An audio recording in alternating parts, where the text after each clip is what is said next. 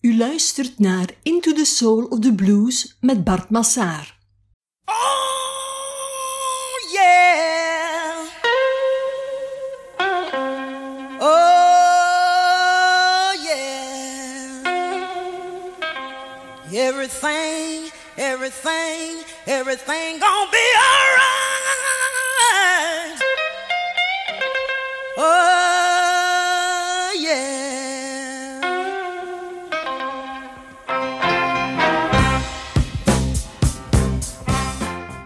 Hey, hallo. Ik ben heel blij dat jullie weer afgestemd hebben op de podcast Into the Soul of the Blues. In deze aflevering zetten we nogmaals de vrouwen in de bloemetjes.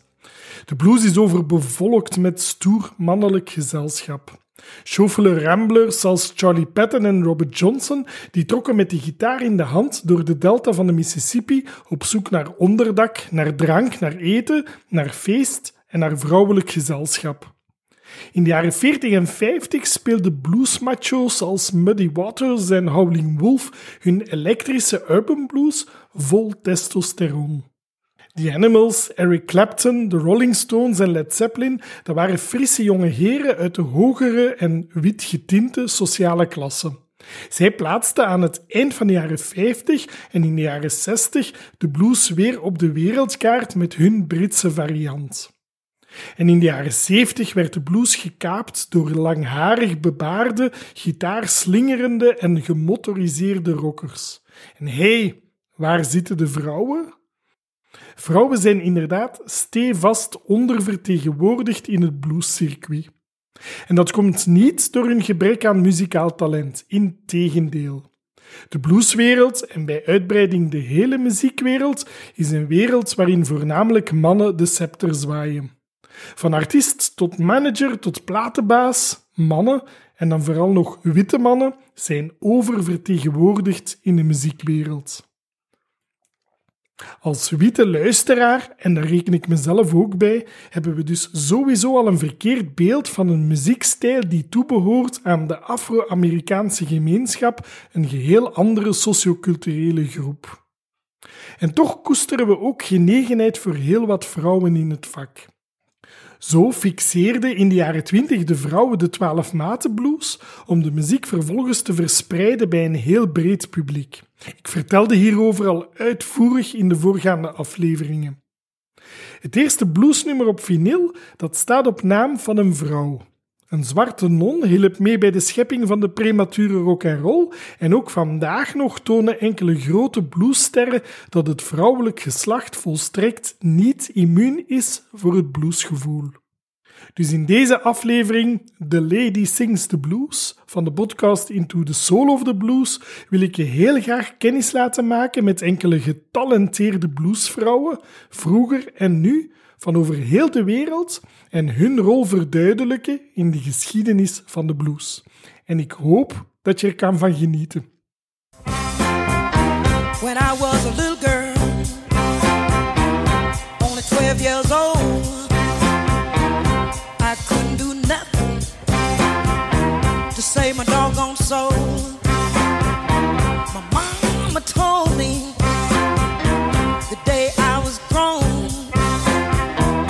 she said, Sing the blues, child. Sing it from now on. I'm a woman. Oh, yeah. I'm a woman. I'm a ball of fire. I'm a woman. I can make love to a crocodile. I'm a woman. Duidelijker kan het niet zijn. Met die krachtige zin zet de Queen of Chicago Blues Coco Taylor zich schrap voor een sterke feministische reactie op het machoïstische Managed Boy dat Muddy Waters in 1955 had uitgebracht. A man.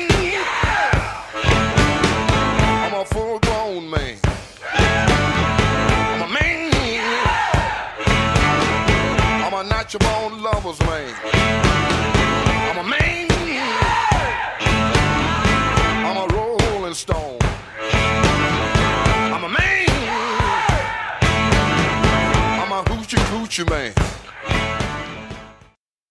Coco Taylor is geboren in 1928 onder de naam Cora Walton en ze groeide op als gospelzangeres in Memphis. Cora had een voorliefde voor chocolade, dus zo kwam ze aan haar bijnaam Coco. Vanuit Memphis verhuisde Coco Taylor naar Chicago en daar tekende ze in bij Chess Records om zich toe te leggen op de blues. Haar grootste hit die scoorde ze in 1964 met de Wang Dang Doodle, maar het brede publiek bereikte ze pas nadat ze in 1975 een contract had getekend bij Alligator Records. Coco Taylor bracht muziek met no-nonsense teksten en ze zong die met een rauwe en rollende stem. Zo toonde Coco Taylor zich als een onverzetbare blueskoningin en niet zomaar een. Nee, nee, one that could make love to a crocodile. I'm a woman. I can make love to a crocodile. Coco Taylor raakte in 1989 betrokken bij een ernstig auto-ongeluk. Haar echtgenoot en manager Pop Taylor die overleefde het ongeval niet. Coco Taylor zelf die maakte nog een comeback in 1990 en ze verscheen nadien op verschillende folk- en bluesfestivals, tot ze in 2009 op 80-jarige leeftijd overleed. Ja, Coco Taylor die pareerde het stoere gedrag van Muddy Waters. Nu zoeken we ook nog een dame om het geweld van Howling Wolf te verzachten. Wel, ik heb ze gevonden in de afgelegen ruigte van de Mississippi Hill Country. Hier is ze, Jessie May Hemphill, met het iets wat grappige She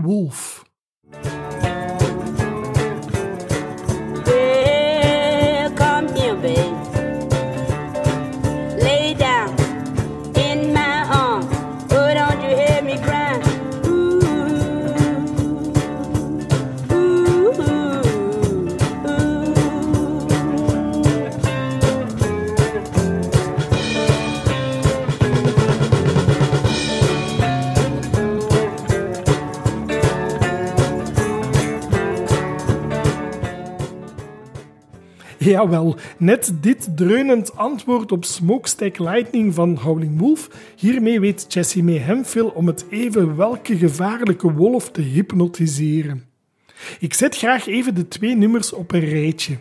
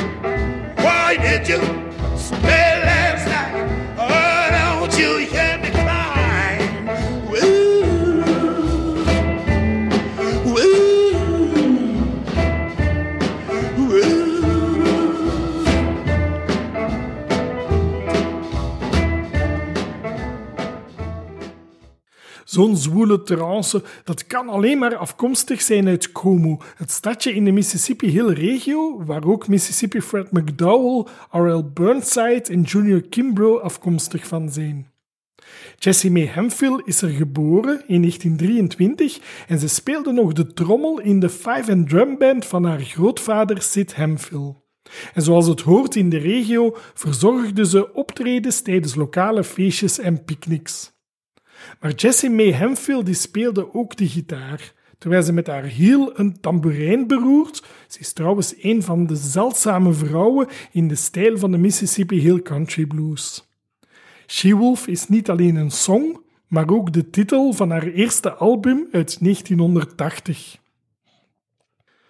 Jessie leefde een sober bestaan, ver weg van de jachtige wereld.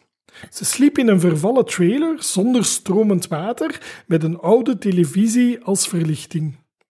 Mannen had ze al lang afgezworen, na veel te veel gebroken harten en ze sliep met een geladen geweer naast zich om elke indringer te vlug af te zien. Al haar kracht en haar energie vloeiden in haar muziek. Helaas werd Jessie May in 1993 halfzijdig verlamd na een herseninfarct.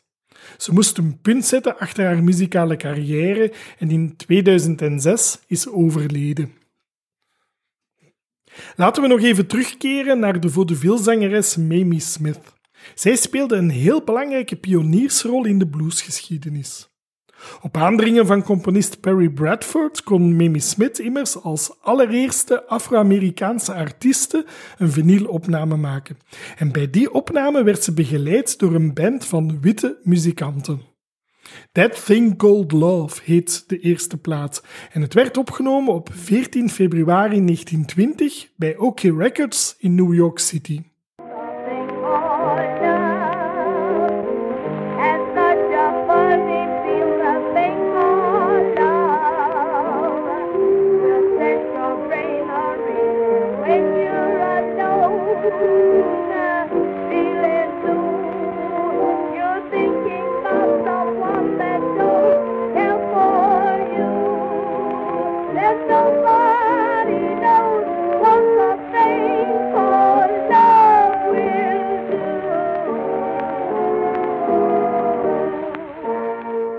Mamie Smith was met haar magisch en diep ontroerend stemgeluid een topact en ze kreeg als terechte titel America's First Lady of the Blues. En mede dankzij de radio als nieuw massamedium kreeg de Queen of the Blues Mamie Smith ook toegang tot het witte publiek. En bij de platenmaatschappijen groeide een ongeziene interesse voor de muziek van de Afro-Amerikanen. Een nieuwe markt werd aangeboord en de Afro-Amerikaanse muziek werd ondergebracht onder de categorie van de race records. Van Mamie Smith onthouden we natuurlijk haar grootste hit, Crazy Blues, uitgebracht op 10 augustus 1920.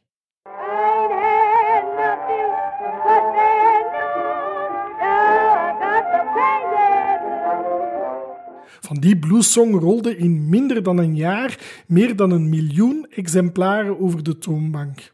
Maar over Crazy Blues heb ik al uitvoerig verteld in een vorige aflevering van deze podcast. In de jaren 20 werden de bluesplaten dus verkocht als race records. En die muziek was uitsluitend bestemd voor een zwart publiek. En toch profiteerden ook een aantal witte vrouwen van de bluesgekte die was ontstaan. Marian Harris bijvoorbeeld. Ze had al enkele jaren jazzhits op haar naam staan toen ze in 1920 als eerste witte zangeres een opname maakte van St. Louis Blues.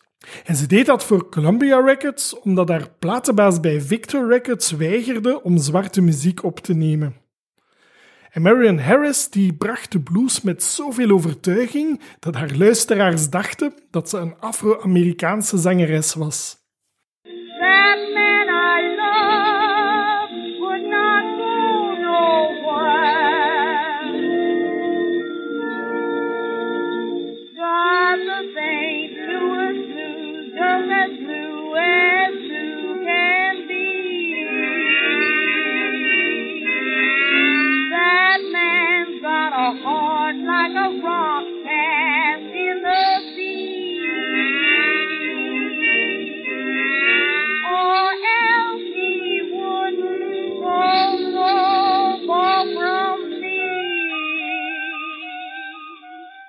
De blues is des duivels. En toch waagde Sister Rosetta Tharpe het in de jaren 30 en 40 om gospelmuziek te dopen in een bad van premature rock en roll. En daarbij maakte ze bovendien gebruik van venijnig wat oversturing op de gitaar. Sister Rosetta Tharpe is een ondergewaardeerde blueslegende, geloof me.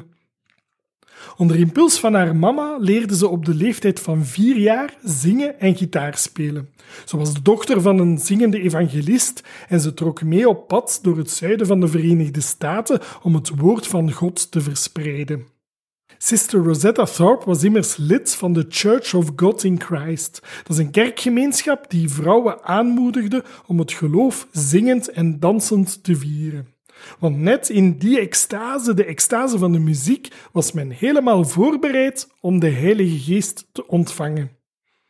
Rosetta Thorpe was een ster en als jong meisje werd ze al bovenop de piano geplaatst om haar ding te doen. Het was toen dat ze de bijnaam kreeg Little Rosetta Newbin, the Singing and Guitar Playing Miracle. Rosetta Thorpe werd door haar mama uitgehuwelijkt aan een priester Thomas Thorpe, een man die bovendien ook haar manager werd.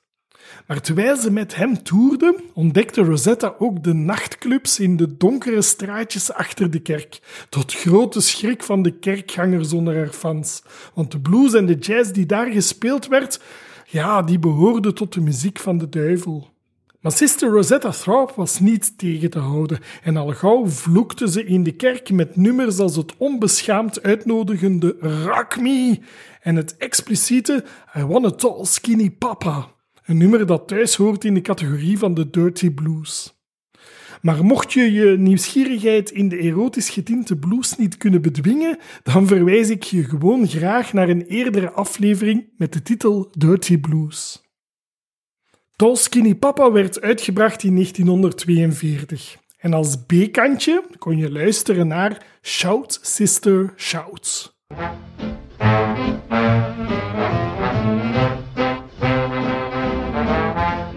listen, everybody, to the precious word. I'm gonna do some chirping, and I ain't no bird.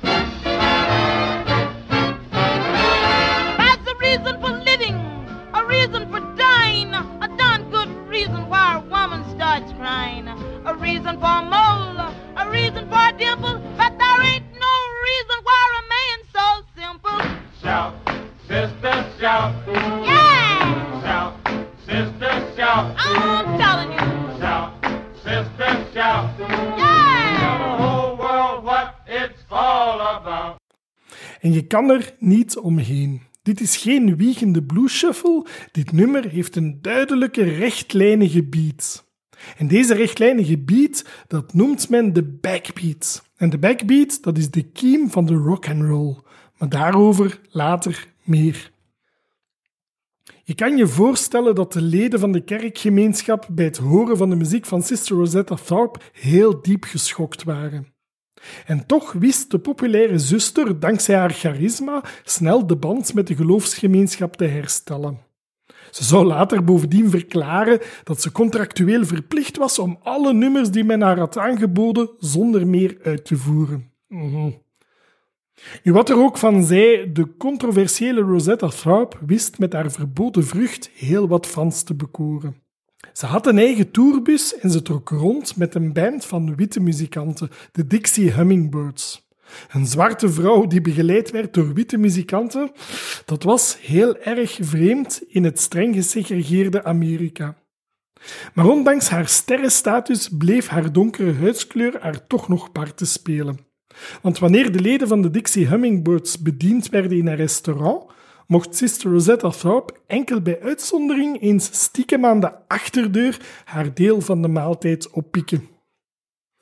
Nadat ze als Godmother of the Rock and Roll over heel de Verenigde Staten faam had verworven, toerde ze in 1964 met de befaamde Blues and Gospel Train in Manchester in Groot-Brittannië. En zo werd plots de Engelse jeugd op een perron in Noord-Engeland geconfronteerd met de verschijning van een donker getinte, swingende non. Rosetta Tharpe overdonderde haar jong publiek met een rauwe, krachtige stem en een ronkende Gibson-gitaar die ze bespeelde als een man. Quote. Sister Rosetta Tharpe werd aanbeden door latere bluesmuzikanten. Denk aan Chuck Berry, Elvis Presley, Bob Dylan en Johnny Cash. Ze noemen allemaal Rosetta Tharpe als hun voorbeeld. In de liefde had Sister Rosetta Tharpe minder succes. Ze had relaties met zowel mannelijke als vrouwelijke partners, maar weinig hield stand. In 1951 werd munt geslagen uit haar turbulente relationele leven. Jawel, ze huwde voor de camera's in het honkbalstadion van Washington. En ze gaf haar ja-woord voor het oog van, houd u vast, maar liefst 25.000 betalende bezoekers. Een initiatief van het platenlabel waar ze mee had ingestemd.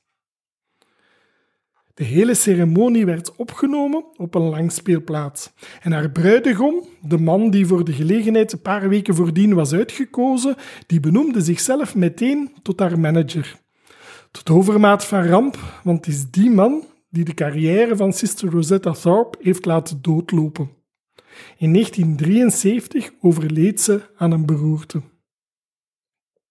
Willie Mae Thornton of Big Mama Thornton was big in alle betekenissen van het woord. Ze woog 350 pond, dat is zo'n 160 kilogram, en ze had een stem die daar perfect bij paste. Als we het al hadden over de blues shouters, dat zijn blueszangers die zo luid konden zingen dat ze geen microfoon nodig hadden, dan was Big Mama Thornton daar het schoolvoorbeeld van. Nu, als vrouwelijke blueszangeres in de jaren 40 kon je maar best indruk maken. Zeker als je niet voldeed aan de normen van schoonheid, terwijl de ene fluisterde dat Willie Mae Thornton bovendien biseksueel was en de andere beweerde dat ze transseksueel was. Ze had dan ook een heel mannelijke look en wanneer men haar aansprak op haar uiterlijk, dan antwoordde ze laconiek I don't go out on stage trying to look pretty. I was born pretty. Ja, Willie Mae Thornton die paste dus niet in het conventionele vakje. Ze was heel intimiderend en ze kon ook heel heftig uit de hoek komen. Er werd daar wel eens aangevreven dat ze agressief reageerde naar haar promotors, maar zelf stelde ze dat ze alleen maar duidelijk wou maken dat men haar beter kon correct uitbetalen. Maar mensen die haar echt kennen, die omschreven haar als lief, intelligent, charmant, grappig en getalenteerd. Big Mama Thornton lijkt wel een beetje Jekyll en Hyde. Maar uiterlijk was ze dus groot van gestalte. Ze had een zwarte huidskleur en een heel grote mond. En dat waren op zich al kenmerken genoeg om heel wat mensen te intimideren. Ook vandaag nog. Want telkens als ik in een van mijn voordrachten een filmpje laat zien van Big Mama Thornton, dan hoor je bij haar verschijning heel wat gegniffel in de zaal. In 1952 grolde Big Mama Thornton als eerste de opname van Hound's Dog. Dat is een ode aan de vrouwelijke macht over een onverbeterlijke gigolo. Het nummer werd geschreven door Jerry Leiber en Mike Stoller, maar iedereen kent Hound Dog natuurlijk van de versie van Elvis Presley. Die had het drie jaar na Big Mama Thornton uitgebracht. En voor Elvis was Hound Dog een goudsmijn. Van de opname werden maar liefst 10 miljoen exemplaren verkocht. En Big Mama Thornton die bleef verweest achter. Halverwege de jaren 60 was ze eerder een obscure bluesmadam die door gebrek aan optredens moeite had om een vaste band te houden. Maar dat veranderde toen Chris Stretchfitz haar aan het werk zag. Chris Stretchfitz was de platenbaas en oprichter van Unruly Records. En die man zag Big Mama Thornton aan het werk, begeleid door een groep muzikanten, waarin onder meer gitarist Buddy Guy schitterde. Stretchfitz was meteen overtuigd. Hij besloot om de sfeer van de avond vast te leggen in de studio. Chris Stretchfitz had enkele dagen voordien al kennis gemaakt met Muddy Waters en in zijn hoofd was de combinatie compleet. Muddy presenteerde voor de gig James Cotton op mondharmonica, Otis Penn op piano, Sammy Lownhorn op gitaar, Luther Guitar Jr. Johnson op bas en Francis Clay op drums. Grote namen dus. Mannen die stuk voor stuk en zonder vooraf te repeteren Big Mama Thornton in haar rauwe eigenheid lieten schitteren. Well, they call me Big Mama, cause I weigh 300 pounds. Call me Big Mama, cause I weigh 300 pounds. I can rock and I can roll them, and I can really go to town. Hey, dit is Chicago Blues op zijn allerbest.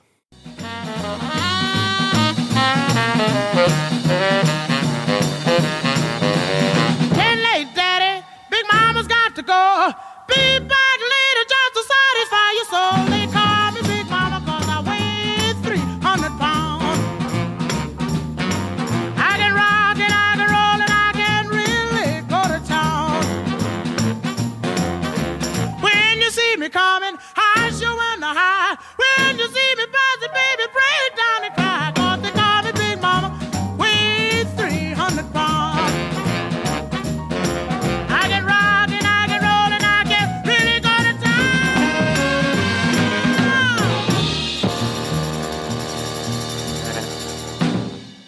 En nu we toch in Chicago zijn, in de collectie van Chess Records ontdekken we ook de muziek van Etta James. James Etta Hawkins heette ze. Ze werd geboren in Los Angeles in 1938 en al op vijfjarige leeftijd kreeg ze zangtraining. Maar tijdens de zanglessen werd het meisje mishandeld. In een poging om tijdens het zingen de buikademhaling aan te leren, sloeg haar leraar het jonge meisje heel hard op de borstkas. Misschien was het wel door die harde leerschool dat Jamesetta al op jonge leeftijd een ongewoon krachtige stem ontwikkelde. Jamesetta trad dus op onder het anagram Etta James. Maar ze stond ook bekend als Miss Peaches. En in 1960 tekende ze een contract bij Chess Records. En daar werd haar grootste hit uitgebracht, At Last. Een song die verscheen op het gelijknamige debuutalbum. Amper zeven jaar later zat Etta James echter in een dieptepunt. De roem eiste haar tol en Etta James ging ten onder aan druggebruik. Om haar te beschermen liet platenbaas Leonard Chess haar weghalen uit de stad naar het meer landelijke Alabama, waar ze in de Fame Studio een nieuw album zou opnemen. De titeltrack van die plaat werd de song Tell Mama. You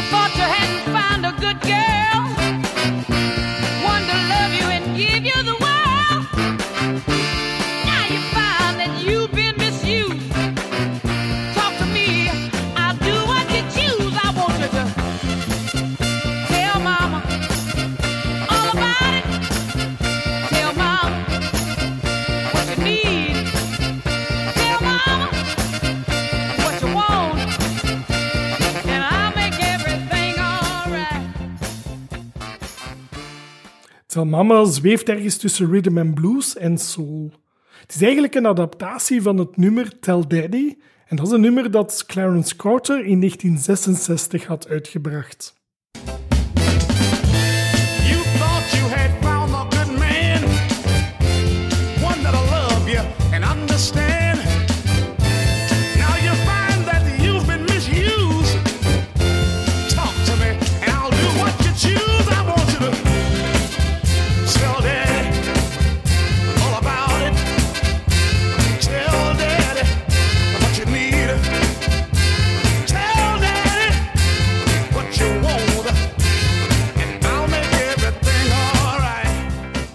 Tell Mama zette de carrière van Etta James opnieuw op de rails. En toch, zelf heeft ze eigenlijk nooit veel om het lied gegeven.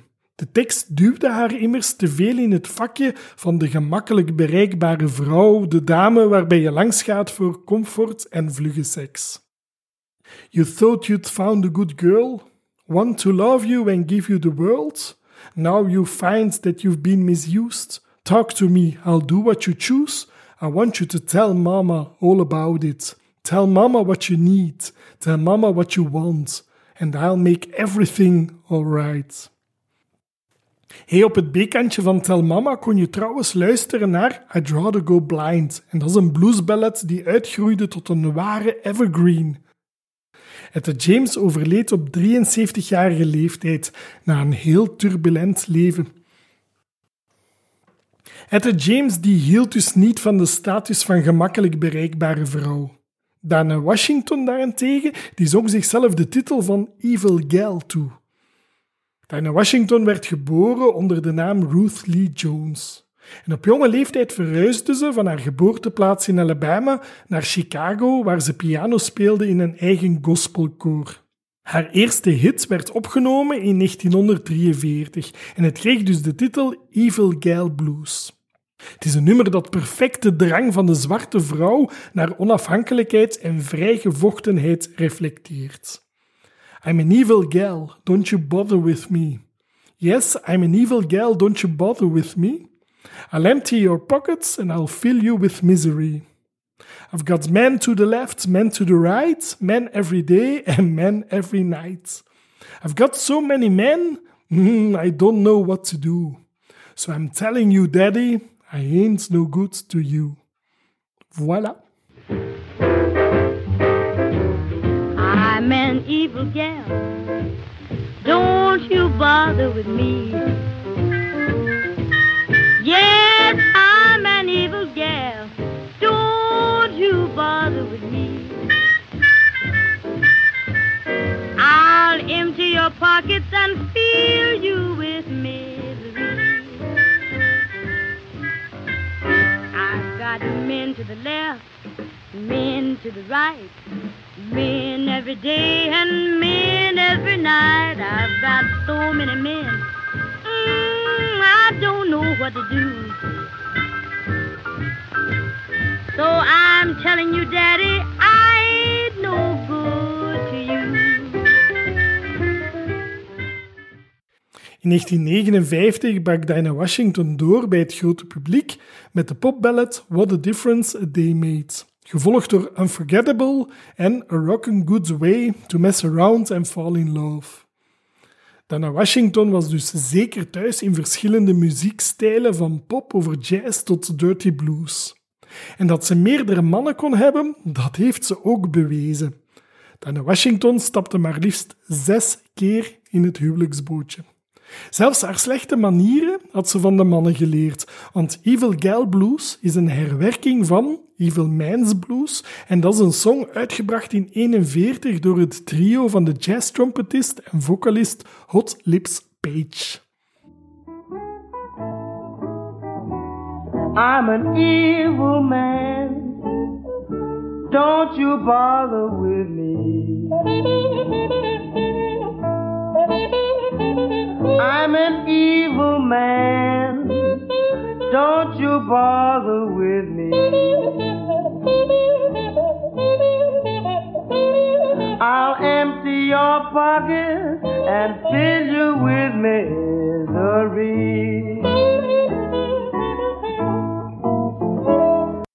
Evil Gal Blues is trouwens ook de titel van de documentaire die BBC in 2010 over Dinah Washington heeft uitgebracht.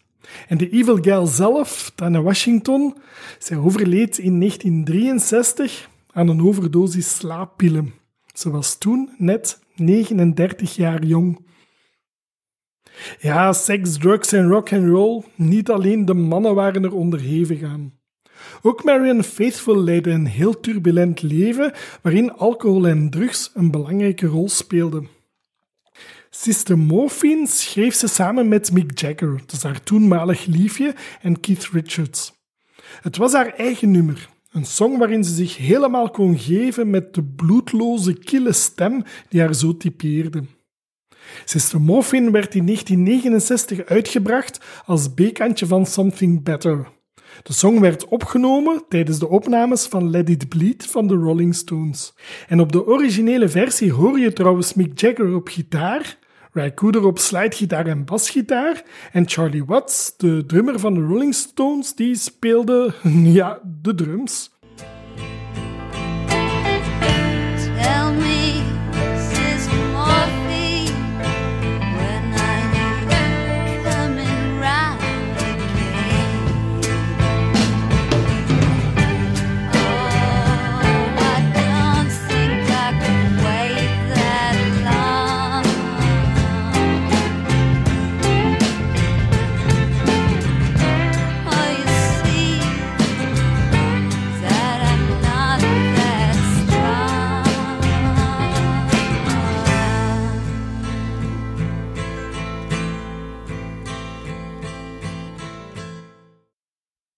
Maar ook dat nummer zelf kende een heel bewogen leven. Er waren slechts 500 platen verkocht toen het label Decca plots doorhad waar Marion Faithful eigenlijk over zong, over morfineverslaving. En Decca besloot om de productie in Groot-Brittannië dan maar onmiddellijk stop te zetten. In het ruimer denkende Nederland maakte men, net als in Italië en Japan, de omgekeerde beweging. Daar verscheen Morphine als A-kantje op de single. En toen Sister Morphine in de Verenigde Staten werd uitgebracht, was plots de naam van Marion Faithful als co-auteur verdwenen. In 1971 was Sister Morphine opnieuw te horen in een versie van de Rolling Stones op het album Sticky Fingers. En ook daar werd nergens gewacht gemaakt van Marion Faithful als co-auteur. Het kostte haar een juridisch gevecht om de royalties terug te krijgen. Ja, Marion Faithful moet aan haar relatie met Mick Jagger een stevige kater hebben overgehouden. En dan bedoel ik niet alleen financieel.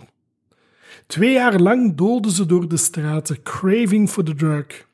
Sister Morphine had haar naam niet gestolen. Uiteindelijk lukte het haar om de verslaving te overwinnen, Maar intussen hadden de heroïne een ernstige ontsteking van het stotenhoofd veroorzaakt en daardoor haar stem definitief aangetast. En alsof dat nog niet genoeg was, werd in 2006 bij Marion Faithfull de diagnose van borstkanker gesteld. Maar dankzij een operatie werd ze ook van deze kwaadaardige aandoening verlost. En Marion Faithfull hield stand. In 2018 maakte ze opnieuw naam met haar album Negative Culpability. U luistert naar Into the Soul of the Blues met Bart Massaar.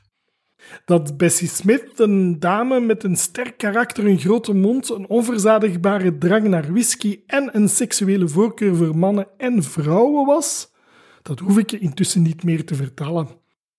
Bessie Smith leidde een bestaan dat ook vandaag nog veel indruk zou maken op heel wat rocksterren. Nadat Ma Rainey haar onder de vleugels had genomen, tekende Bessie Smith in 1923 een platencontract bij Columbia Records. Maar liefst drie platenfirma's hadden haar tot dan toe afgewezen. En met een versie van Downhearted Blues van Alberta Hunter werd Bessie Smith op slag beroemd. En ze groeide uit tot de best verdienende zwarte bluesartiste uit de classic bluesperiode. Maar aan de carrière van Bessie Smith heb ik al een hele aflevering gewijd. In 1926 zette Bessie het nummer Young Woman's Blues op plaat. En dat nummer wou ik vooral omwille van de frappante tekst nog eens aan deze afspeellijst toevoegen. Ik citeer uit de tekst. I'm a young woman and ain't done running rounds. Some people call me a hobo, some call me a bum. Nobody knows my name, nobody knows what I've done. I'm as good as any woman in your town. I ain't no high yeller, I'm a deep killer of brown. I ain't gonna marry, ain't gonna settle down. I'm gonna drink good moonshine and rub these browns down. See that long lonesome road, loads, you know it's gonna end. And I'm a good woman, and I can get plenty men.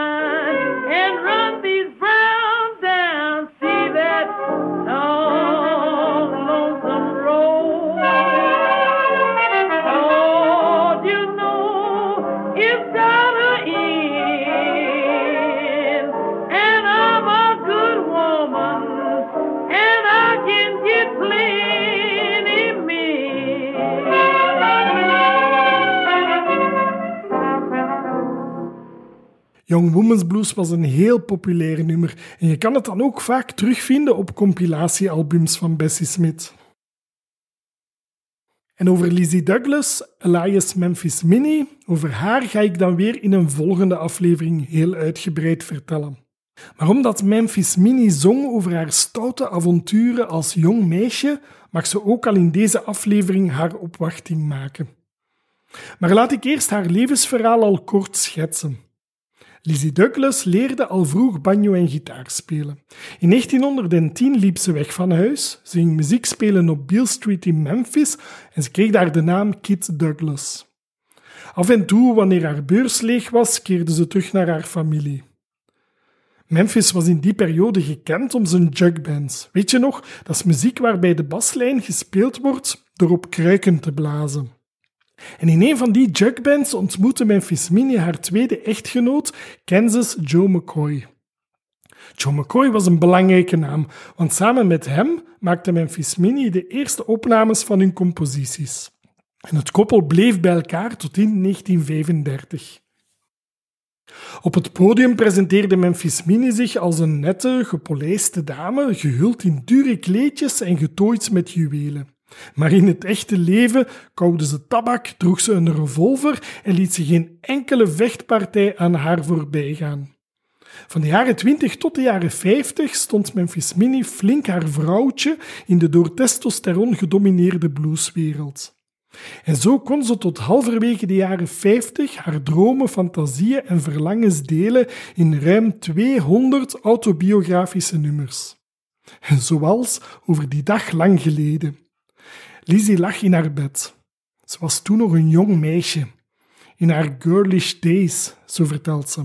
En een man kroop door het raam. Ja, ze wist toen niet beter in haar meisjesjaren.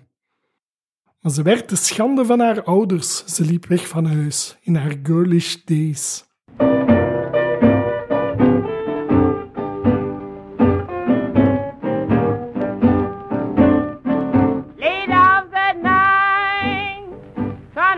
My hand. Through my window, I slipped a man. I didn't know no better. Oh boy, and my goodness days. My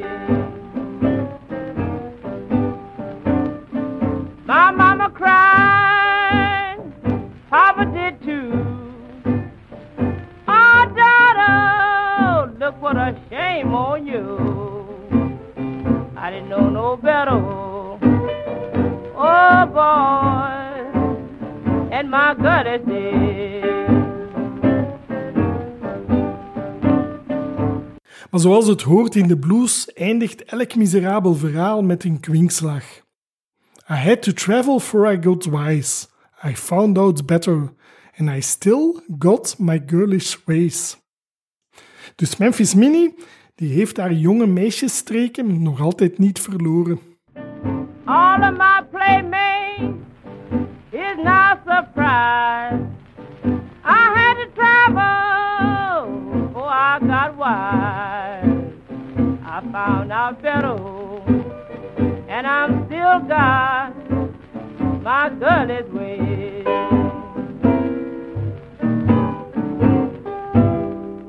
Sommige meisjes worden besmet met de blues nadat een man door het raam is gekropen. Bij sommige meisjes werd de blues gewoonweg overgedragen van mama op dochter. Zo verging het althans Lottie Kimbrough. Zij leefde in de buurt van Kansas City, waar ze tijdens de Roaring Twenties optredens verzorgde in de nachtclubs en de speakeasies. Weet je nog, dat zijn clubs waar je aan de deur een wachtwoord moest fluisteren om binnen te mogen. Kimbrough, die door haar fans de Kansas City Butterball werd genoemd, die zong met haar krachtige stem nummers die later nog heel vaak werden gecoverd. In Wayward Girl Blues krijgt ze een aanzoek om naar het cabaret te gaan, maar ze heeft er weinig zin in. Lottie heeft last van de blues. En die blues die kreeg ze van moeder op dochter. Well, I've got the blues from my mother to me, and I know she got the blues from me. I'd be thinking all day, thinking about the past. I said thinking and thinking about the past. Well, I've been thinking about my dear mother last. Yee-hoo! Hello, Lottie. Let's go down to the cabaret tonight and have a big time. Oh, I can't do it, buddy. I'm all in. Why, what's the matter?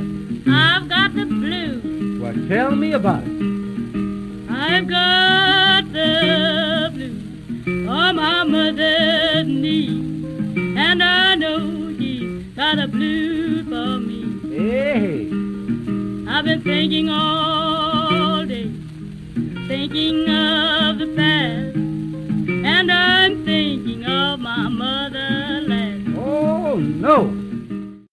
Lottie Kimbrough maakte haar laatste opnames in 1928 en daarna verdween ze uit de aandacht. Maar Rory Block, de bluesdiva op hoge hakken, die besloot in 2020 om een eerbetoon te brengen aan enkele gekende en minder gekende of zelfs vergeten bluesvrouwen. En daar maakte Lottie Kimbrough deel van uit. Je kan de door Rory Block verzamelde songs beluisteren op het album Prove It On Me. Een album dat, zoals je merkt, wel heel toepasselijk genoemd is naar het nummer van Ma. Ik laat je nog even luisteren naar een fragment uit Rory Block's versie van Wayward Girl Blues. Well, I'm thinking about my mother last. I received a letter. What do you suppose it read? I received a letter. What do you suppose it read? Said, Come on home, your poor mother's dead. Then I grabbed the train. I went home a fly. And I grabbed the train and I went home a fly. She wasn't dead, but she was slowly dying. De blues via de man, de blues via de mama. Andere vrouwen krijgen de blues dan weer als een geschenk uit de hemel. Zoals Sister Rosetta Tharpe misschien. Maar er was nog een blueszuster, Sister Gertrude Morgan. Zij laat de kracht van de vrouw van bovenuit komen. Met de intensiteit van gesyncopeerde Afrikaanse polyritmiek op een tamboerijn brengt Sister Gertrude Morgan een doortastende godsdienstige boodschap. Power. Power, power, Lord, power, power, Lord, power, power, Lord, power, power, Lord, send me power, power, Lord, send me power, power, Lord, Holy Ghost power, power, Lord, Holy Ghost power, power, Lord, come to power, power, Lord, come to power, power, Lord, come to power, power, Lord, come to power, power, Lord, give me power, power, Lord, give me power, power, Lord, power, power, power, power, power, Lord, send me power, power, Lord, send me power, power, Lord, more power, power, Lord, more power, power, power. Gertrude Williams werd geboren uit een arme familie in Lafayette, Alabama. In 1938 verliet ze haar echtgenoot om zich definitief te vestigen in New Orleans, een stad die ze zelf omschreef als het hoofdkwartier van de zonde. Maar zoals het hoort in een spiritueel bluesverhaal, sloot ze zich na enkele openbaringen aan bij een kerkgemeenschap. En geleid door God illustreerde ze haar religieus verhaal met felgekleurde schilderijen en tekeningen, gemaakt op goedkope en gemakkelijk beschikbare materialen zoals papier, houtafval of zelfs toiletrolletjes. Sister Gertrude Morgan was een pionier van de outsider art. outsider art het doet me denken aan. eh, ooit heb ik een straf geschreven op school, een straf geschreven op een toiletrol. En de betrokken leerkracht die vond het zo grappig. Sorry, ik ben aan het afdwalen. Samen met twee andere gelovigen trok zuster Gertrude Morgan de straat op, gehuld in zwarte klederen, om zingend en dansend het geloof aan de wereld te verkondigen. En vaak schreeuwde ze haar boodschap door een eenvoudige papieren megafoon. Misschien was het een veredeld wc-rolletje. En met het geld dat ze op straat inzamelde, stichtte het drietal een weeshuis. En ze verleende geestelijke begeleiding aan gevangenen. Maar daar bleef het niet bij. In 1957 ontving Sister Gertrude Morgan een nieuwe openbaring en daarin werd haar verteld dat ze de bruid was van Christus. Zwarte kledij was dan niet meer aan de orde, paste daar niet bij. Dus veranderde Gertrude haar zwarte kledij in een wit gewaad. Ze verhuisde bovendien naar een wit geschilderde woning, de Everlasting Gospel Mission, waar ze een studio inrichtte en gospelmissen organiseerde. In 1980 ruilde Sister Gertrude Morgan deze aardse plek voor het hiernamaals, nadat ze was overleden in haar slaap. Een outsider was ze, zeer zeker, maar een outsider met kracht, met power. Ho, power. Laten we terugkeren met de beide voeten op aarde. Want daar staat Bonnie Raitt met beide handen in het schuim van de afwasbak te mijmeren over haar wilde jeugd. Kwam er nu maar een reddende engel uit de hemel? Misschien heeft Gertrude Morgan nog een tip voor Bonnie Raitt? I am an old woman, named after my mother. My old man is another child who's grown old. Make me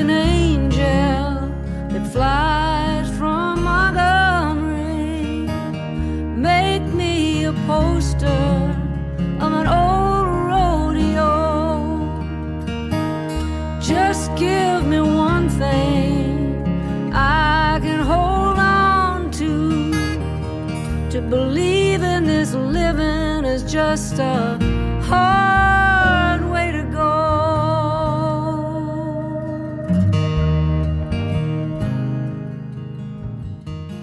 De ballad Angel from Montgomery lijkt wel echt op het lijf geschreven van de roodharige Lady Bonnie Raitt. Maar niets is wat het is. Want Angel from Montgomery werd eigenlijk geschreven door een man. John Prine was zijn naam. Angel from Montgomery verscheen voor het eerst in 1971 op zijn debuutalbum met de verrassende titel John Prine. Make me an angel that flies from Montgomery. Make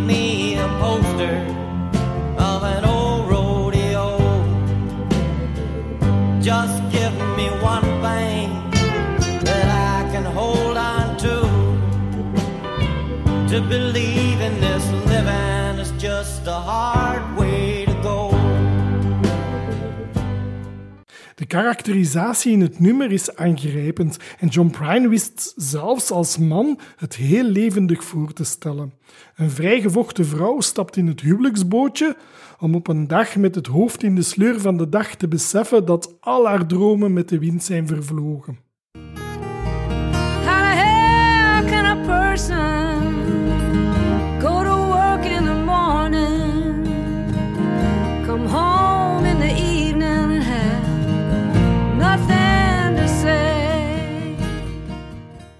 Toen Angel from Montgomery in 1974 op Bonnie Raitt haar album Streetlights verscheen, was het al enkele keren gecoverd. Maar het is de versie van Bonnie Raitt die voor een brede erkenning zorgde. De roodharige dame had op dat ogenblik al heel wat waters doorzwommen. Op haar twaalfde leerde ze gitaar spelen en na de middelbare schooltijd speelde ze rhythm and blues in de nachtclubs. Ze werd in 1970 ontdekt toen ze speelde aan de zijde van haar mentor Mississippi Fred McDowell. Helaas werd haar contract verbroken door Warner Bros. Records in 1993 omwille van alcohol- en druggebruik. Maar de Californische bluesmama die hield stand en vandaag showt ze nog steeds met heel veel levenslust op de planken haar indrukwekkend oeuvre. Bonnie Raitt zou het nummer Angel from Montgomery nog heel vaak live brengen, ook samen met de schrijver zelf John Prine. Tot John Prine in 2020 overleed aan de gevolgen van COVID-19. Nee, geen engel deze keer die verschijnt uit de hemel, wel een voodoo woman die een vloek klaarstoomt. Ach ja, het maakt niet uit. S'avonds de blues in de juke joints, dag nadien in de kerk dezelfde muziek, maar met een iets wat andere tekst, toch? En het is geen Black Magic Woman deze keer. Nee, nee, de Voodoo Woman is een witte madame. Maar maak je geen zorgen, want white ladies can sing the blues. En bij Susan Tedeschi zal de bluesvlam niet doven. Als jong meisje luisterde ze naar de platencollectie van haar vader en tussen al dat kostbare vinyl ontdekte ze de bluesgoden Mississippi John Hurt en Lightning Hopkins. In 1993 vormde ze haar eigen Susan Tedeschi band, waarbij ze zichzelf gitaar leerde spelen. En gewapend met haar instrument en haar krachtige stem zweeft ze intussen ergens in de muzikale ruimte tussen Bonnie Raitt en Janis Joplin. Haar tweede studioalbum, Just Won't Burn, werd uitgebracht in 1998. Het album oogste veel succes, omwille van de krachtige stem en de emotionele geladenheid waarmee Tedeschi haar nummers brengt. In 2010 liet Susan Tedeschi haar band samensmelten met de band van haar echtgenoot, Derek Truck, en sindsdien toeren beide samen onder de naam Tedeschi Trucks Band. Ik laat je heel graag luisteren naar een live-opname uit 1999 in Den Haag, waar ze Coco Taylor's Voodoo Woman met verve vertolkten.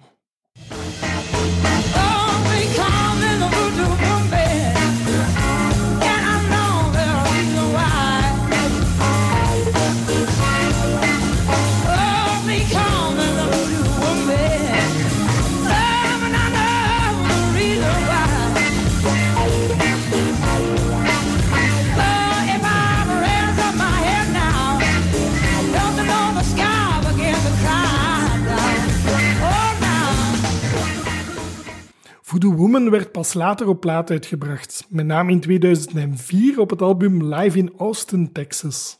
Maar we moeten toegeven, de Haagse versie uit 99 die overtreft alle varianten. They call me the voodoo woman, and I know the reason why. Lord, if you raise my name, you know the sky begin to cry. Wild, wilder en allerwildst zijn die vrouwen. Net als Chickamauga Copeland trouwens. Chickamauga kreeg de blues met de paplepel ingegeven van haar vader, Johnny Copeland. Als tiener ging ze met hem mee op tournee en toen het met zijn gezondheid wat bergaf ging, liet Johnny Copeland zijn dochter de opening act verzorgen. Zo verwierf ze al snel naam en faam en als 19-jarige had ze al een album ingeblikt, Turn the Heat Up. En sindsdien gaat het Chickamauga Copeland voor de wind. De dochter van de Texaanse bluesheld zet de traditie van Coco Taylor en Etta James verder met soulvolle nummers die ze zingt met een mature, krachtige en dynamische stem. En hou je vast, want Chickamauga Copeland is dus um, a wild, wild woman. En die wildse kracht die komt niet alleen uit haar stem, maar ook uit haar gitaar. Of om het met haar eigen woorden te citeren: Wild woman, and you're a lucky man. I'm wilder than a tiger, ready to attack. Wait until you feel my claws all across your back. Don't bother fighting, don't give me no lip. You can't tame me, baby, unless you got a whip. Cause I'm a wild, wild woman. Yes, I'm a wild, wild woman. Oh, I'm a wild, wild woman. And you're a lucky man. Grauw.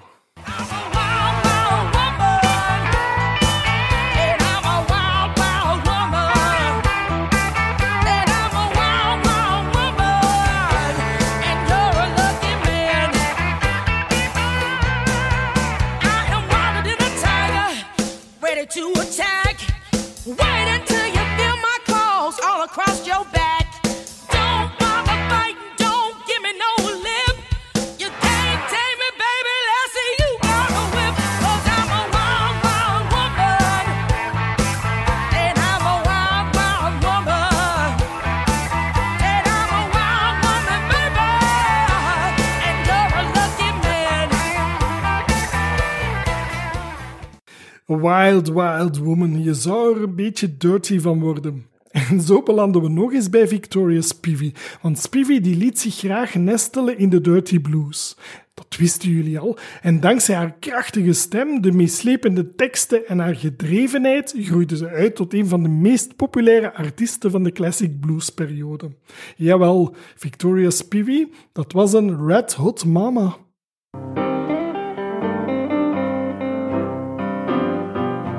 I'm a real hot mama, and I'm a burning dame.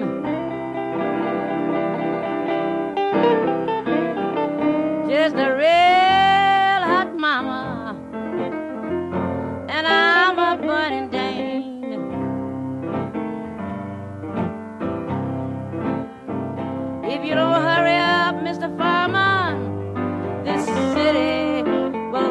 up in flame.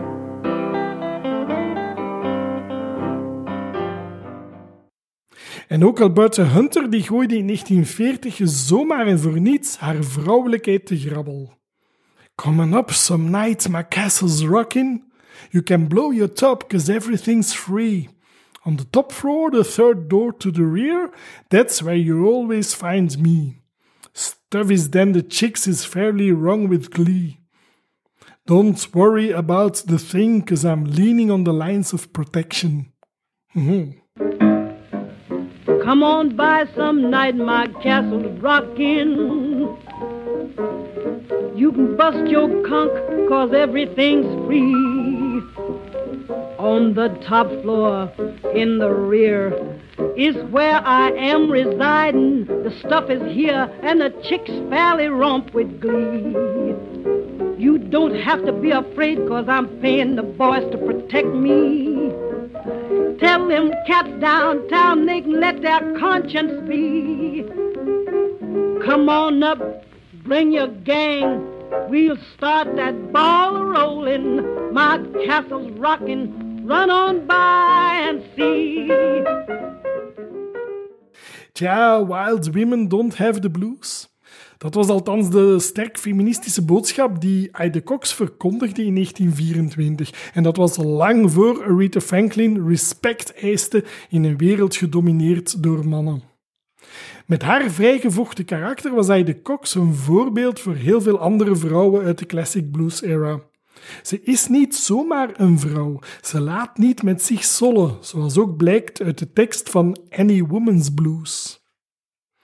My man ain't acting right. He stays out late at night. But still he says he loves no one but me. But I find the gal that's trying to steal my pal. I'll get her told, just you wait and see. I feel so blue, don't know what to do. Every woman in my place is bound to feel blue too. Lord, I love my man better than I love myself. I love my man better than I love myself. And if he don't have me, he sure won't have anybody else. Voilà, Heide Cox was geen vrouw om zonder handschoenen aan te pakken. Al moet ik erbij vertellen dat de Queen of the Blues dit nummer heeft geleend van de keizerin van de blues, Bessie Smith. Die had het uitgebracht in 1923. Any Woman's Blues.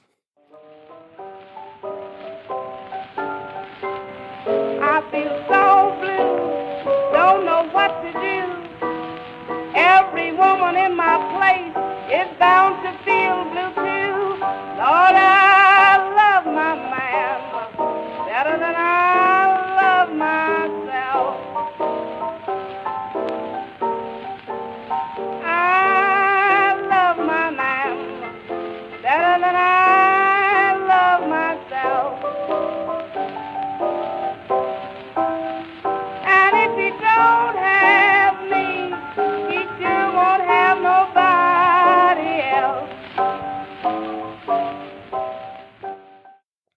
Dus als je dacht dat je uit de Cox kon bedriegen, nou, dan heb je gewoonweg de verkeerde vrouw voor je. The wrong woman.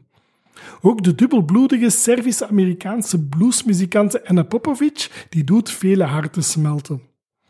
Ze is geboren in 1976 in Belgrado, de hoofdstad van het voormalige Joegoslavië. En daar nam ze op haar vijftiende de gitaar ter hand om zich te laten omringen met de funky bluesband Hush. De groep werd een veelgevraagde act op festivals in Oost-Europa. Maar er kwam een einde aan de band toen Anna Popovic naar Amsterdam verhuisde om jazz te studeren. Goede voornemers, maar ze duurden niet lang, want amper een jaar later onderbrak Popovic haar studies. De drang naar de podia was te groot. Anna Popovic ondertekende een platencontract en ze ging solo optreden. Haar debuutalbum uit 2001 heeft ze naar haar eerste band genoemd. Hush. En van Nederland ging het naar België. In 2003 werd Anna Popovic door Solomon Burke uitgenodigd om mee te spelen tijdens een set op het Belgium Rhythm and Blues Festival in Peer. Solomon Burke, de King of the Soul, stond in de jaren 60 aan de wieg van de soul en je kent hem wel van zijn nummer Everybody Needs Somebody to Love. Ja, dat nummer is van hem, maar het werd populair gemaakt door de Rolling Stones in 65 en uiteraard door de Blues Brothers film uit 1980. Die avond op Blue Spear stond ik mee in het publiek en ik kan dus getuigen, Anna Popovic vervulde haar gastrol aan de zijde van Solomon Burke met zoveel verve dat ze mee met hem mocht op tournee. In 2012 verhuisde Anna Popovic tenslotte naar de Verenigde Staten en daar bouwt ze verder aan een heel eclectische muziekstijl. En zo stond ze met haar passionele blues uit het voormalig Joegoslavië al aan de zijde van de allergrootste. Eric Burden, Taj Mahal, Buddy Miles, Double Trouble, Eric Gales, om er maar enkele te noemen. Als je dus zou denken dat je met haar kan doen wat je wil, dan heb je het verkeerd voor. You're messing with the wrong woman.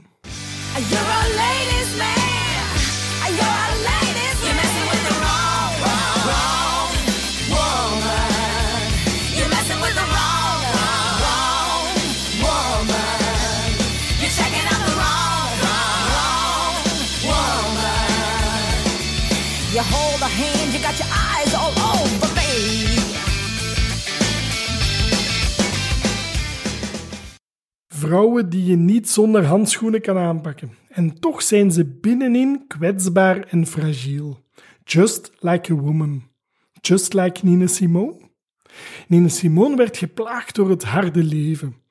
Als Afro-Amerikaans meisje leerde ze heel traditioneel zingen en piano spelen in de kerk en meteen viel ze op door haar uitzonderlijke gave voor de muziek. Maar toen ze tien jaar jong was, moesten haar mama en papa op de eerste rij plaatsmaken voor enkele witte luisteraars. En die traumatiserende ervaring die bepaalde dat ze later betrokken werd bij de civil rights movement van Martin Luther King. Ook tijdens haar verdere muzikale opleiding ondervond ze trouwens heel wat racisme en vaak werd ze afgewezen omwille van haar donkere huidskleur. Een vriendje noemde haar Nina, wat Spaans is voor meisje, en van de Franse actrice Simone Signoret haalde Nina Simone het tweede deel van haar artiestennaam. Nina Simone. Ze wordt wel eens gecatalogeerd onder de jazzmuzikanten, maar zelf had ze daar een hekel aan. Alleszins, in haar werk is ook een duidelijke invloed van klassieke muziek, soul, blues en rhythm and blues te horen. En Nina Simone wist die verschillende stijlen tijdens haar optredens perfect met elkaar te blenden. The best of both worlds, I feel I need to play it, was haar leuze. Maar ondanks haar weergaloos talent had Nina Simone het niet gemakkelijk. Relationele problemen, financiële problemen, problemen met managers en platenbazen en problemen door haar huidskleur. Het maakte haar leven heel erg somber. Bovendien was Nina Simone ook heel impulsief en emotioneel van aard. Wat dus mooi aansluit bij de interpretatie van de song Just Like a Woman.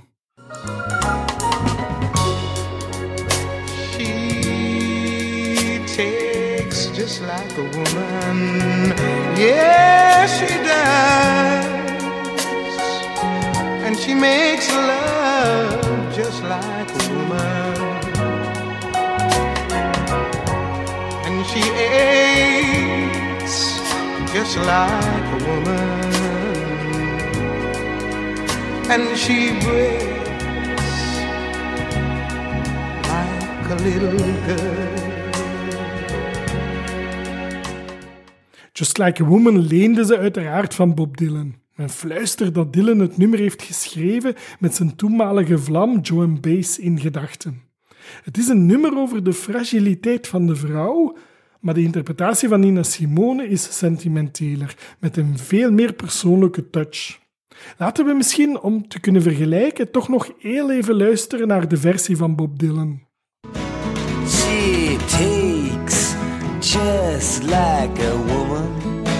Yes, she does. She makes love just like a woman. Yes, she does. And she aches just like a woman. But she breaks just like a little girl.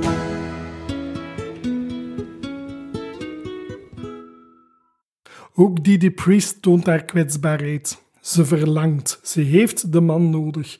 En ze bekoort hem met een ingetogen en persoonlijke mix van smachtende bluesvocals, ondersteund door een twaalf maten van tintelende jazzpiano. She's a needy girl. What must I do? For you to want me as much as I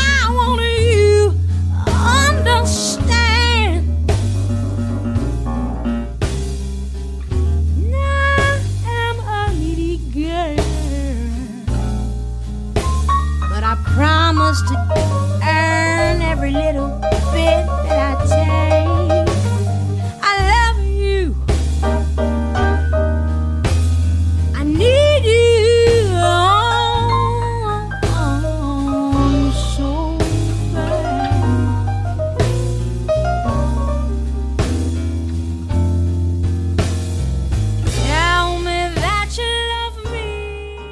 Ja, Didi weet dan ook perfect hoe ze de verschillende stijlen kan mixen. Blues, jazz en folk in één format, het is haar niet vreemd. Als kind nam ze de woonkamer tot haar podium voor een act met de stofzuigerbuis als microfoon, de lippenstift van haar tante en de sloeven van haar mama als outfit. Ze zong met haar imposante stem nagenoeg alles wat ze kon zingen, om uit te komen bij een passie voor blues en gospel. Didi Priest begon haar zangcarrière in de muzikale haven van Austin in Texas, maar intussen toert ze de wereld rond en wordt ze vergeleken met de grote namen uit de blues en de jazz. Rond de zachte vrouwelijke pit hoort een beschermende ruwe bolster, zoals in The Tattooed Lady en The Alligator Man van Marcia Ball. Ball die begon al op vijfjarige leeftijd piano te spelen. En ze liet zich al gauw inspireren door de New Orleans blues van Fats Domino, James Booker, Professor Longhair en Irma Thomas. Tja, geboren in Texas en getogen in New Orleans en met zo'n namen als influencers, dan zal het je niet verbazen. Ball koestert een sterke voorliefde voor Zydeco en uptempo boogie-woogie blues. In 1974 begon de energieke toetseniste Marcia Ball aan een solo-carrière. In het swingende The Tattooed Lady and the Alligator Man refereert ze naar het reizende circus waar heel wat bluesvrouwen in de beginjaren 1900 onderdak vonden. En na het beluisteren van dit carnavaleske nummer zal het circusdeuntje je zeker in de oren blijven plakken. What she wanted to do. When she was just 18, she got her first tattoo. It was a little green gator with a smiling face. She put that critter in a private place. She said, Don't you know that's just a start? She turned herself into a work of art. Midway sideshow, hot as blazes. One stand out in a thousand faces. There was something about him she recognized. He was rough around the edges, a familiar smile. She said, the pull of my destiny. Now she dances, a hoochie coochie coo. On his belly like a crocodile. Ik zoek een jongen met krullend haar, krullend haar en een basgitaar. En wat is jouw droommeisje, jouw dream girl? Wie delft in de hedendaagse bluesmuziek, die ontmoet weldra de Amerikaanse blueszangeres Samantha Fish.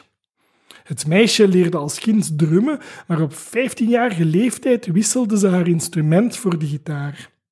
En nadat ze in 2009 haar eigen album Livebeat had geproduceerd, trok ze de aandacht van de talentscouts, onder meer Mike Sito, en zo verscheen de verlegen tiener samen met de bluesartiesten Cassie Taylor en Danny Wilds op het album Girls with Guitars.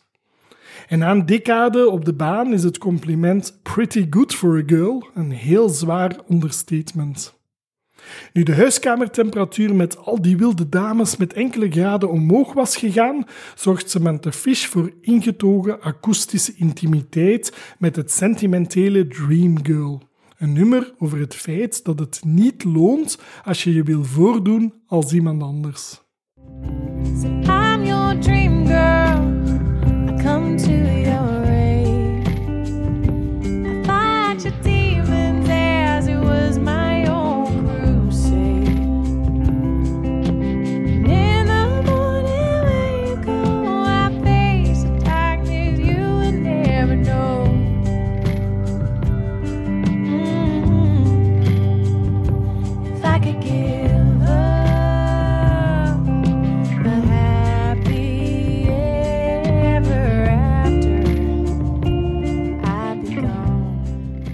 Deze dromerige song komt uit haar album Kill or Be Kind uit 2019 en het liedje wordt warm ingekleurd met een fijne solo op slidegitaar. De bluesinvloed mag duidelijk zijn.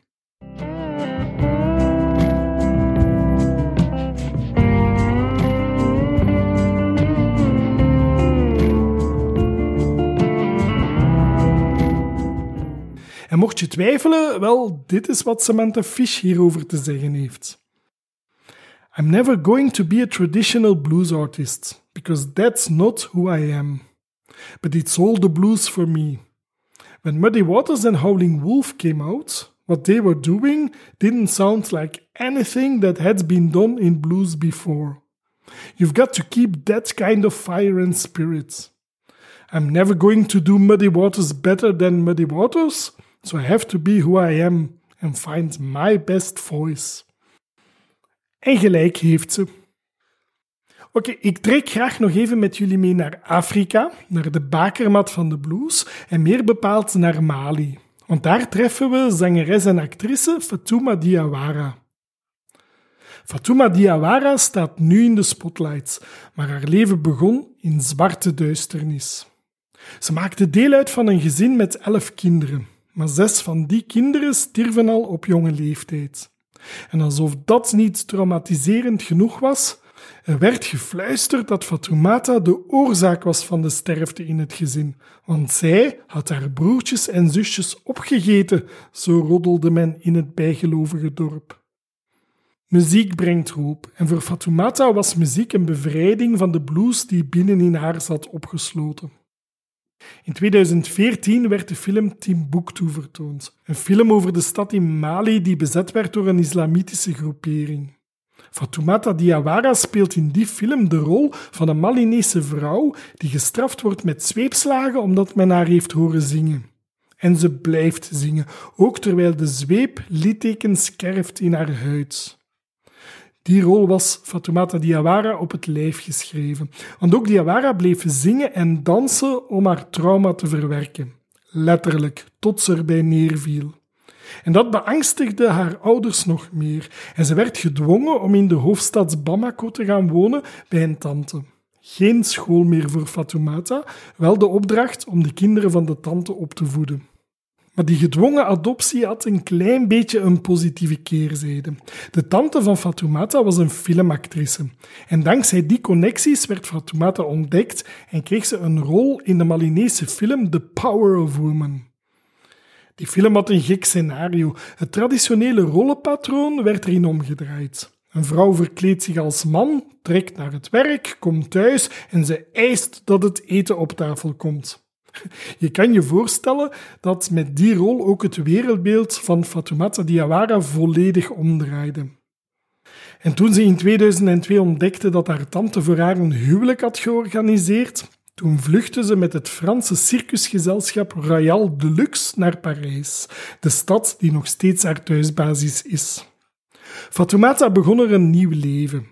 Met een goedkope gitaar trok ze naar de cafés van Parijs, waar ze de Malinese blues mengde met de muziek van Billie Holiday en Nina Simone. In 2007 kreeg de goedlachse Fatoumata Diawara het aanbod om als achtergrondzangeres mee te werken aan de opnames van een album Red Earth, A Malian Journey. Ook Sumu Sangare vroeg haar om mee te werken aan het album Seya, waarna Diawara besloot om verder te gaan in de muziek. Met haar intieme album Fatou werd ze in 2011 in één klap een wereldster.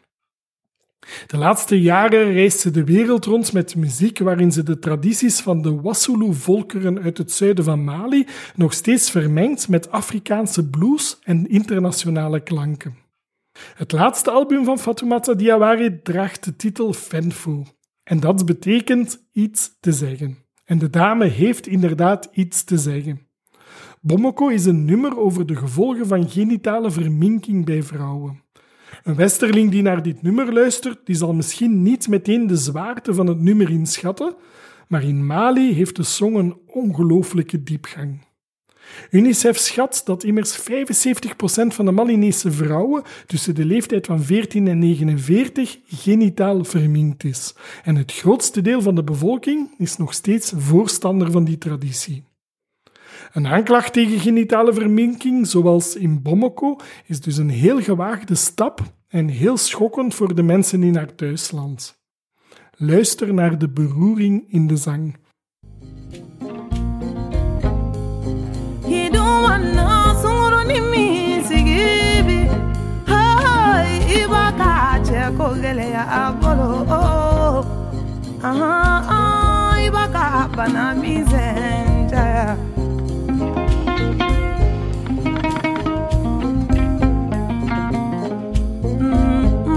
Mama mama kingana mboloko kana mboloko abadina. Eh baba baba ba. Ngigana mboloko kana mboloko abadimina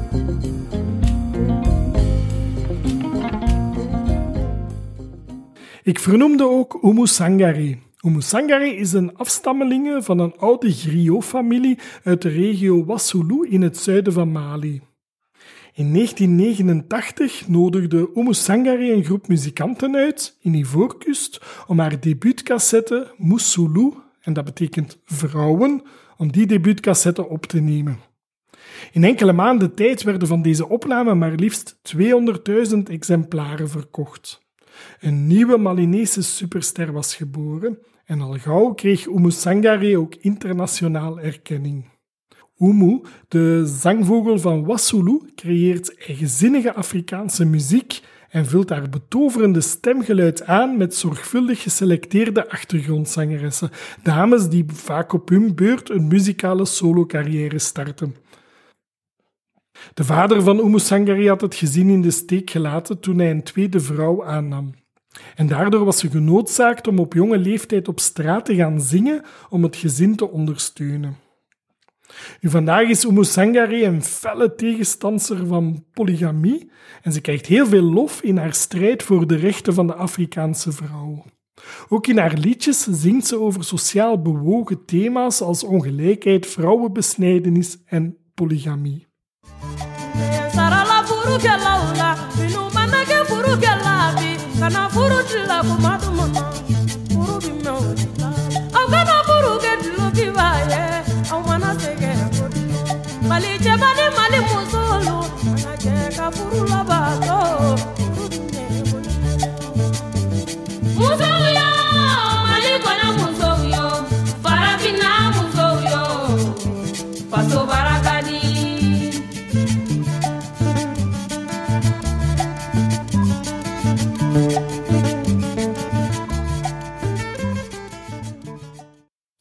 Ik hoop dat jullie van deze collectie opnieuw genoten hebben. In een volgende aflevering van de podcast Into the Soul of the Blues ga ik verder duiken in de geschiedenis van de blues. En intussen kan je luisteren naar de playlists die op Spotify verschijnen met alle nummers uit deze afleveringen. Ben je nieuwsgierig naar meer? Volg dan Into the Soul of the Blues op Facebook, op Instagram of breng een bezoekje aan de blogpagina www.souloftheblues.be. En weet, ik geef ook live voordrachten. Als je interesse hebt, stuur een berichtje naar info@souloftheblues.be. Alvast weer heel erg bedankt om tot het einde te luisteren en ik hoop dat jullie er weer bij zijn bij de volgende aflevering. Dag! Dit was een aflevering van Into the Soul of the Blues met Bart Massaar.